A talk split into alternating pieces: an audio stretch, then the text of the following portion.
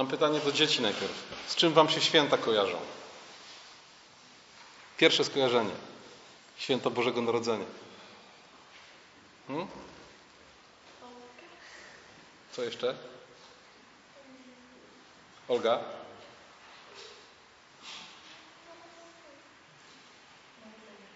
Tak, ale co jeszcze? Z czym wam się kojarzą same święta? Jako wydarzenie.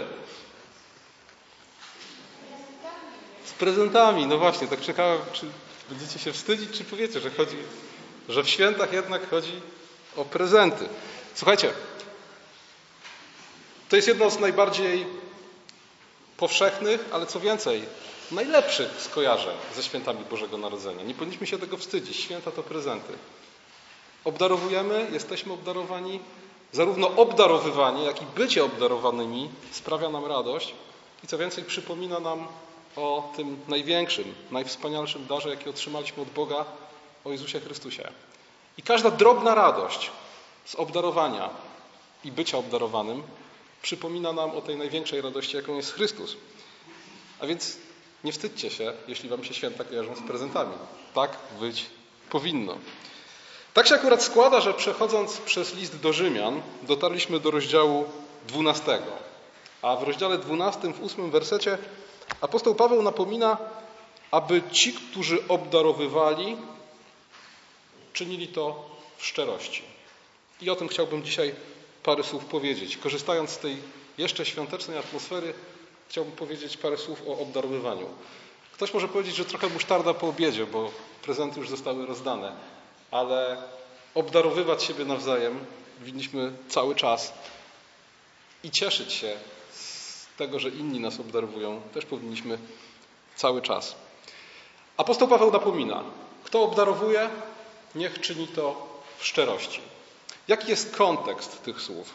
Pozwólcie, że krótki fragment 12 rozdziału od wersetu trzeciego przeczytam. Powiadam bowiem każdemu spośród Was, mocą danej mi łaski, by nie rozumiał o sobie więcej niż należy rozumieć, lecz by rozumiał z umiarem, stosownie do wiary, jakiej Bóg każdemu udzielił. Jak bowiem w jednym ciele wiele mamy członków, a nie wszystkie członki tę samą czynność wykonują, tak my wszyscy jesteśmy jednym ciałem w Chrystusie, a z osobna jesteśmy członkami jedni drugich. A mamy różne dary według udzielonej nam łaski. Jeśli dar prorokowania, to niech będzie używany stosownie do wiary. Jeśli posługiwanie, to w usługiwaniu. Jeśli kto naucza, to w nauczaniu. Jeśli kto napomina, to w napominaniu. Jeśli kto obdarowuje, to w szczerości. Kto jest przełożony, niech okaże gorliwość. Kto okazuje miłosierdzie, niech to czyni z radością. A zatem kontekstem dla tego Pawłowego napomnienia jest jedno ciało. Jest prawda o tym, że w Chrystusie my, którzy tworzymy Kościół, stanowimy jedno ciało i wszyscy jesteśmy członkami tego ciała. A więc każdy z nas ma swoją funkcję, specjalizację i swoje miejsce. Każdy z nas jest potrzebny do tego, aby ciało Chrystusa rosło i rozwijało się na Bożą chwałę. Jesteśmy sobie nawzajem potrzebni i im bardziej różni jesteśmy, tym bardziej sobie jesteśmy nawzajem potrzebni. Tak jak im bardziej oko różni się od ręki, tym bardziej zarówno ręka, jak i oka, oko potrzebne są całemu ciału. Przesłanie apostoła Pawła w tym fragmencie jest takie: jedno ciało, wiele członków. Każdy z nas inaczej został przed Bogiem przez Boga obdarowany i teraz każdy z nas niech usługuje innym tym, co otrzymał najlepiej jak potrafi. Co więcej, jeśli spojrzymy na jeszcze szerszy kontekst wypowiedzi apostoła Pawła, zobaczymy, że na tym właśnie polega życie poświęcone Bogu. Paweł mówi: Oddajcie swoje życie w ofierze Bogu. To są pierwsze dwa wersety 12 rozdziału. A kiedy przechodzi do szczegółów, skupia się na naszych relacjach z innymi, na tym, w jaki sposób służymy sobie nawzajem i w jaki sposób się do siebie nawzajem odnosimy. A więc życie poświęcone Bogu to nic innego jak usługiwanie innym tym, co otrzymałem od Boga. Życie poświęcone Bogu to nic innego jak obdarowywanie innych, ponieważ sam zostałem przez Boga obdarowany. A jeśli spojrzymy na kontekst całego listu do Rzymian, to zobaczymy, że przez 11 rozdziałów apostoł Paweł tłumaczy nam, czym jest Ewangelia Chrystusowa. Tłumaczy nam, że jesteśmy usprawiedliwieni z wiary i pojednani z Bogiem. A teraz, od początku 12 rozdziału, mówi nam o tym, jaka powinna być nasza odpowiedź na Ewangelię. Naszą odpowiedzią powinno być właśnie życie poświęcone Bogu, a życie poświęcone Bogu to nic innego jak służenie sobie nawzajem tym, co każdy z nas otrzymał i obdarowywanie siebie nawzajem. Zwróćcie uwagę na to, że apostoł Paweł nie zachęca po prostu do tego, abyśmy się nawzajem obdarowywali. On zwraca się do tych, którzy obdarowują i wzywa ich, aby robili to w właściwy sposób. Kto obdarowuje, niech czyni to w szczerości. A zatem nie wystarczy obdarowywać innych, trzeba robić to dobrze. Wbrew pozorom, nie jest to łatwy fragment. Tłumacze Biblii mieli z nim problem. Po pierwsze, mieli problem z tym, o jakiego rodzaju obdarowywanie chodzi. Czy chodzi tylko o dzielenie się pieniędzmi i innymi dobrami materialnymi, czy też o wszelkiego rodzaju obdarowywanie się. I druga rzecz, jak oddać w języku polskim dziwne słowo haplotes, które w Biblii warszawskiej przetłumaczono jako w szczerości. To kluczowe słowo, które informuje nas o tym, w jaki sposób mamy się nawzajem obdarowywać. Taki krótki przegląd. W Biblii Tysiąclecia ten fragment brzmi tak. Kto zajmuje się rozdawaniem, niech to czyni ze szczodrobliwością. A więc tutaj tłumacze poszli w kierunku takim, że apostołowie chodziło o dobra materialne i chodziło o to, żeby w obdarowywaniu być hojnym. Bardzo podobnie przetłumaczył, znaczy inaczej, ale w, tej sam, w tym samym duchu, Piotr Zaręba. Kto wspiera, niech czyni to hojnie. Jeszcze dalej w Biblii Poznańskiej, gdzie wprost napisano, kto daje jałmużnę, niech czyni to wspaniałomyślnie. A więc już bardzo wąsko e, rozumie autor Biblii Poznańskiej, tłumacz Biblii Poznańskiej ten werset. Ale na przykład w Biblii Warszawsko-Praskiej czytamy o tym, że ten, kto dzieli się z innymi tym, co posiada, a więc już trochę szerzej, niech czyni to ze szczerym sercem. I tu już nacisk nie jest na hojność, tylko na motywację. W Biblii świętego Pawła kto dzieli się z innymi, niech czyni to z prostotą. Tu jeszcze większy nacisk na motywację, na to szczere serce, na prostolinijność, która powinna cechować nas w obdarowywaniu. I wreszcie w Biblii Gdańskiej użyte jest w ogóle stare, ale bardzo, bardzo ważne dla chrześcijaństwa w Polsce słowo szafarz. Kto szafuje? Szafarz to ten, kto rozdziela dobra, ale, bardzo ważna rzecz, rozdziela cudze dobra. Rozdziela to, co do niego tak naprawdę nie należy. A więc zwróćcie uwagę na to, że tłumacz Biblii Gdańskiej, mam wrażenie, zrozumiał istotę tego fragmentu. Jeśli rozdajecie, cokolwiek byście rozdawali, pamiętajcie, że rozdawajcie to, co sami otrzymaliście, a więc jesteście tylko szafarzami. Czyńcie to hojnie, ale czyńcie to też ze szczerym sercem, dobrymi motywacjami. I teraz, kiedy szukalibyśmy słowa haplotes w słownikach, to okazuje się, że jedno i drugie znaczenie kryje się w tym słowie. W słowie haplotes chodzi zarówno o hojność, jak i o szczerość. O to, aby rozdawać nie z przymusu, a z ochotą, bezinteresownie i bez ukrytych motywów. Apostoł Paweł dotyka bardzo ważnej kwestii. Bezinteresowne, hojne i radosne obdarowywanie siebie nawzajem powinno być naszym, jako uczniów Chrystusa, znakiem rozpoznawczym. Chrześcijaństwo powinno tworzyć kulturę obdarowywania się. Kultura, która stoi w opozycji do takiej kultury transakcyjnej, gdzie wszystko robimy w oczekiwaniu wzajemności. Sprawiedliwa zapłata jest rzeczą dobrą. Na gruncie Słowa Bożego, ale bezinteresowny dar jest czymś lepszym, czymś bardziej doskonałym. I tą drogą apostoł Paweł zachęca nas, abyśmy kroczyli. Przykład mamy w Bogu. Bóg obdarowuje. Bóg jest Bogiem sprawiedliwej odpłaty. Nie mamy co do tego żadnych wątpliwości. Ale wiemy, że w Chrystusie Bóg okazał się kimś dużo więcej niż jedynie Bogiem sprawiedliwej odpłaty. Okazał się Bogiem miłosiernego daru. Mówiąc w Chrystusie, nie mam na myśli tego, że wcześniej taki nie był. On oczywiście był taki zawsze, ale w Chrystusie widzimy to najwyraźniej. Najwspanialszy dar, jaki otrzymała ludzkość, to Jezus Chrystus. Tym darem jest przebaczenie grzechów i nowe życie.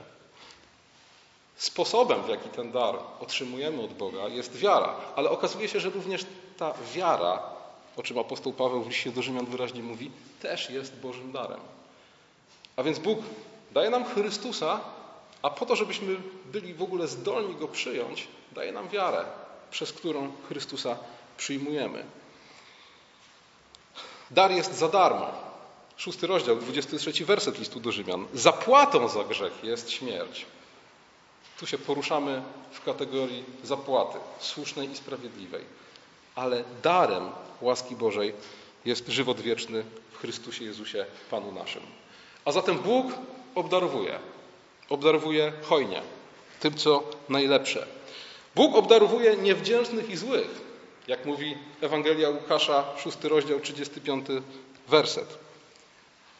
Co nie znaczy, że Bóg nie oczekuje wdzięczności. Bóg oczekuje wdzięczności. Bóg poucza nas o potrzebie bycia wdzięcznym. Bóg napomina tych, którzy są niewdzięczni, a w ostatecznym rozrachunku osądzi wszelką niewdzięczność. Ale cierpliwie i łaskawie obdarowuje niewdzięcznych i złych, wiodąc ich w ten sposób do nawrócenia. Nie zniechęca się tym, że jesteśmy niewdzięczni i źli, obdarowuje nas nadal. Tak długo, jak długo trwa czas Jego cierpliwości. Bóg obdarowuje dobrymi darami. Dobre dary mogą być nadużywane.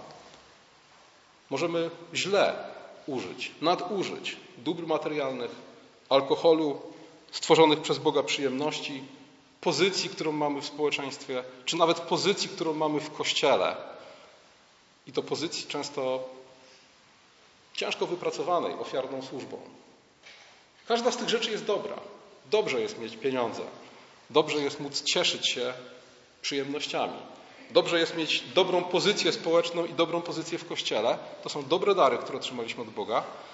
I to, że każdej z tych rzeczy możemy nadużyć, to, że każdą z tych rzeczy możemy wykorzystać źle, nie zmienia faktu, że dary są dobre. Bóg nigdy nie daje nam złych darów, a więc czegoś, co samo w sobie byłoby złe. Bóg daje nam dobre dary, choć zdarza się, że my ich nadużywamy. I wreszcie apostoł Jakub w pierwszym rozdziale, piątym wersecie swojego listu przypomina nam, że Bóg daje chętnie i bez wypominania. I być może najbardziej charakterystyczna rzecz, kiedy myślimy o tym, w jaki sposób Bóg nas obdarowuje. Bóg, kiedy nas obdarowuje, stawia przed nami zadania.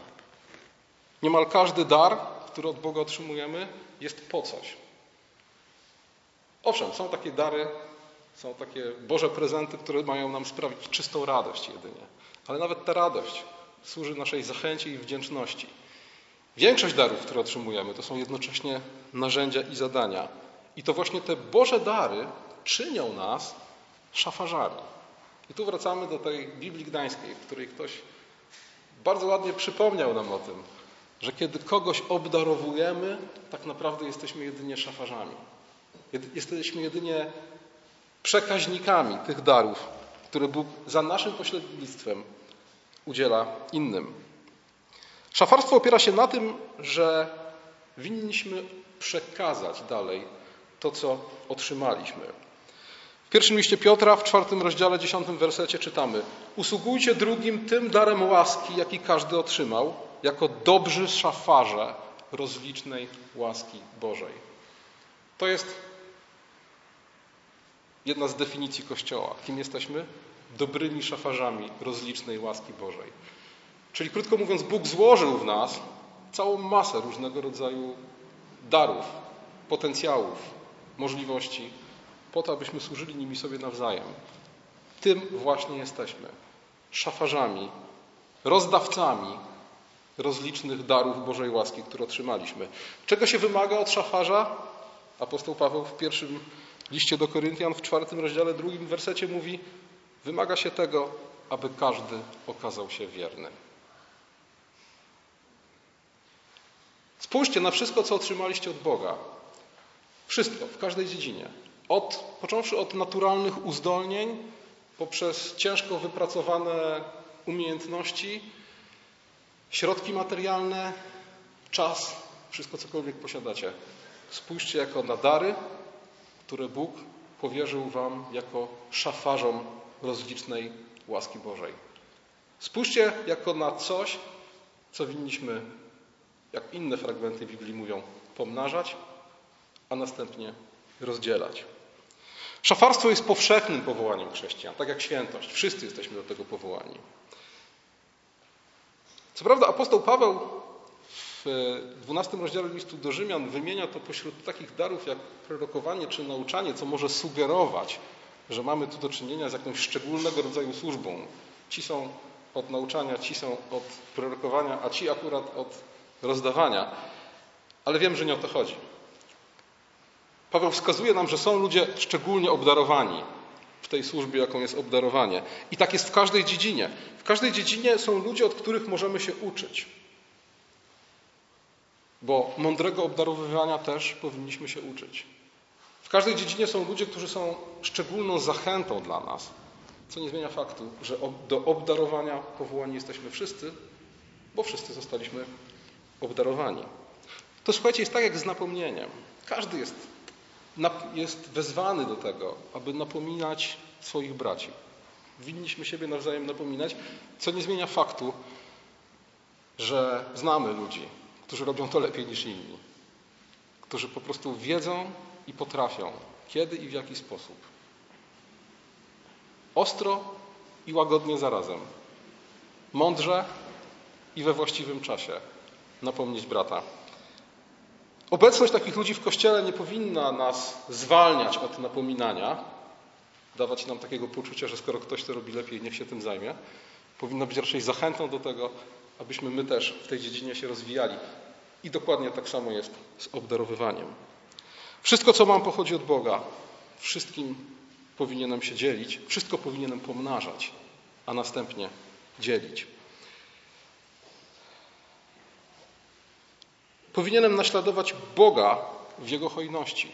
A naśladować Boga w Jego hojności to również pamiętać o tym, aby obdarowywać mądrze. Pamiętajcie, Bóg nie daje zawsze każdemu i wszystkiego, a już zwłaszcza od razu i natychmiast. Wie to o tym każdy, kto wychowuje dzieci. Nie każdy prezent dziecko powinno otrzymać natychmiast. Czasem powinno poczekać. Czasem powinno w jakiś sposób okazać to, że jest gotowe na przyjęcie takiego, a nie innego prezentu.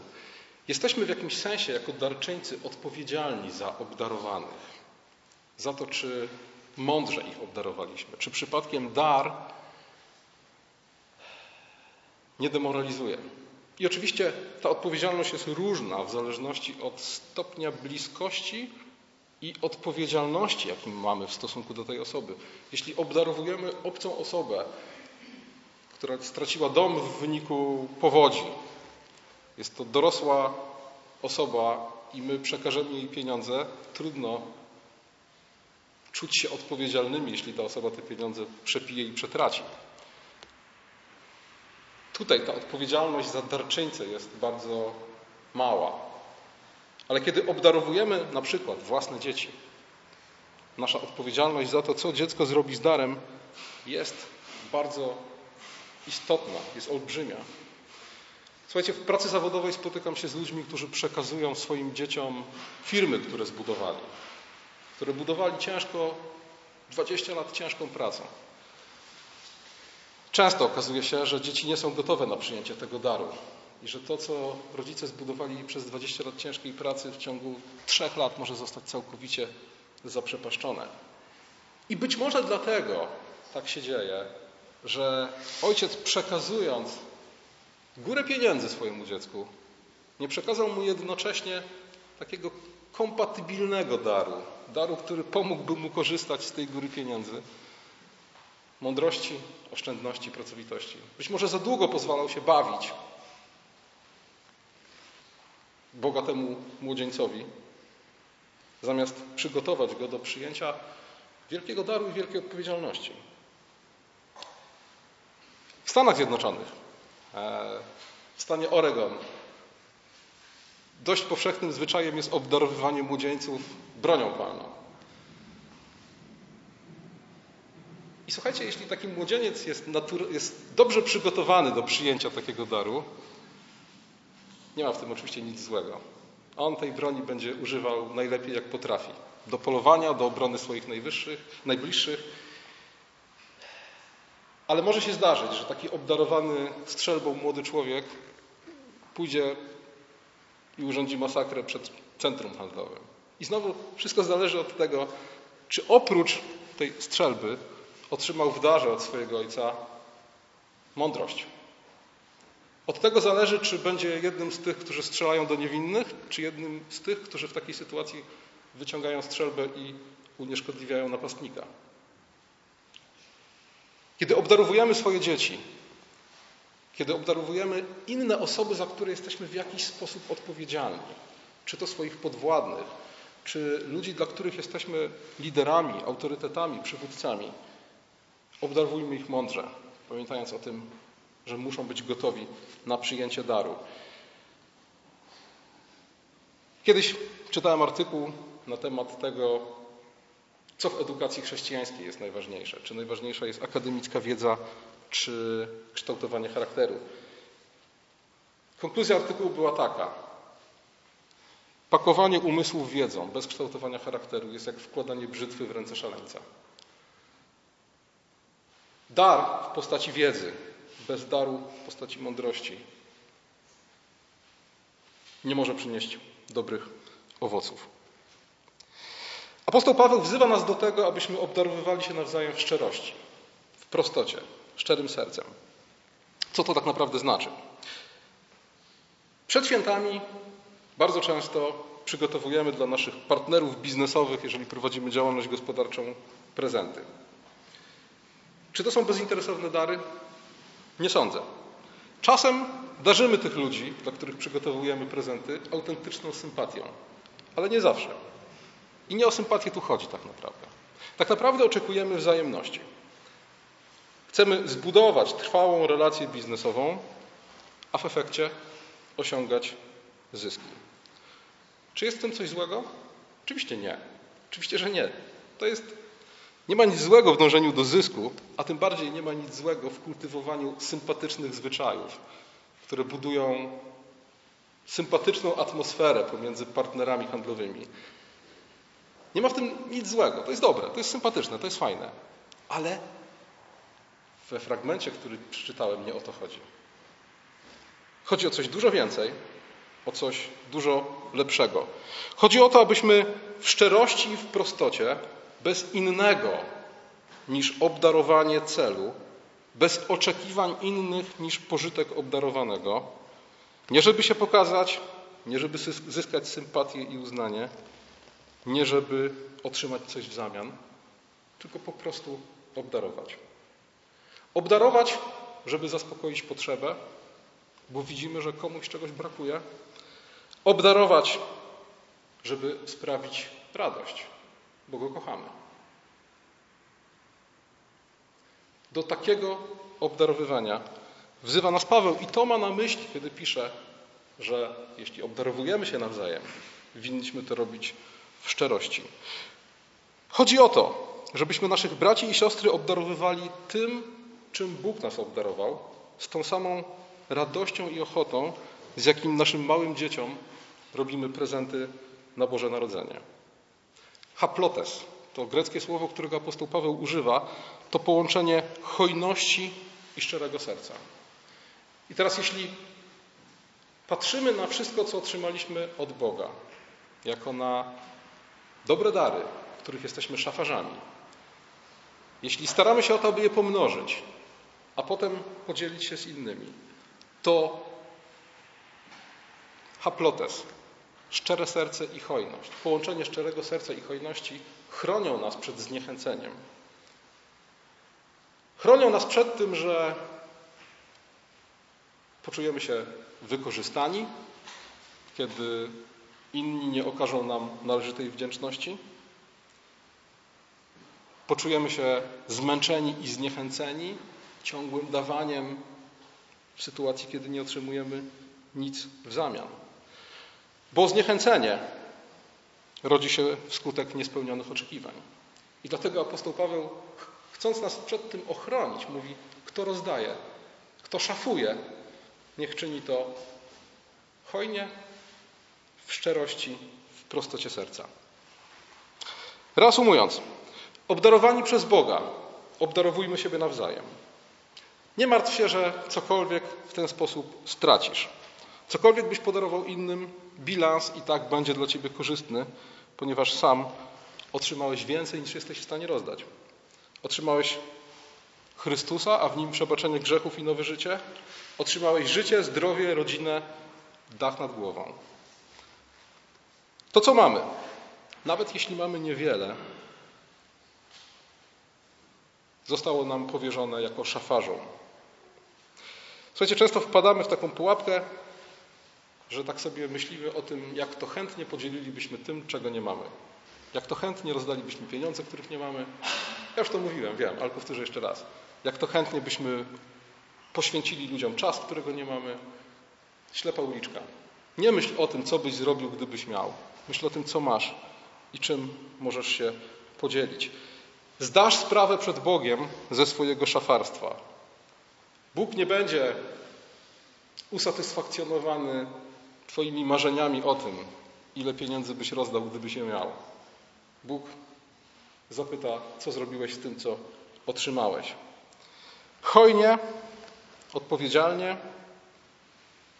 nie oczekując wzajemności, nie zniechęcając się brakiem wdzięczności. Choć, tak jak powiedziałem, Bóg kocha wdzięczność, Bóg domaga się wdzięczności, Bóg osądzi niewdzięczność, ale jednak nie daje się brakiem wdzięczności zniechęcić. I tak samo my, kiedy obserwujemy nasze dzieci, tych, za których jesteśmy najbardziej odpowiedzialni, albo inne osoby, gdzie ten krąg odpowiedzialności jest, jest bliski, też powinniśmy im przypominać o wdzięczności. Też powinniśmy ich zachęcać do wdzięczności. Też powinniśmy ich napominać, kiedy nie są wdzięczni. Ale brak wdzięczności nie powinien nas zniechęcać. Obdarowujmy się, aby sprawić radość, aby pocieszyć, aby zaspokoić potrzebę.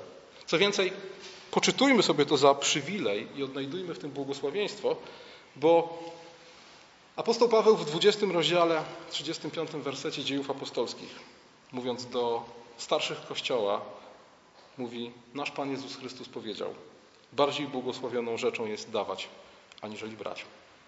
Amen.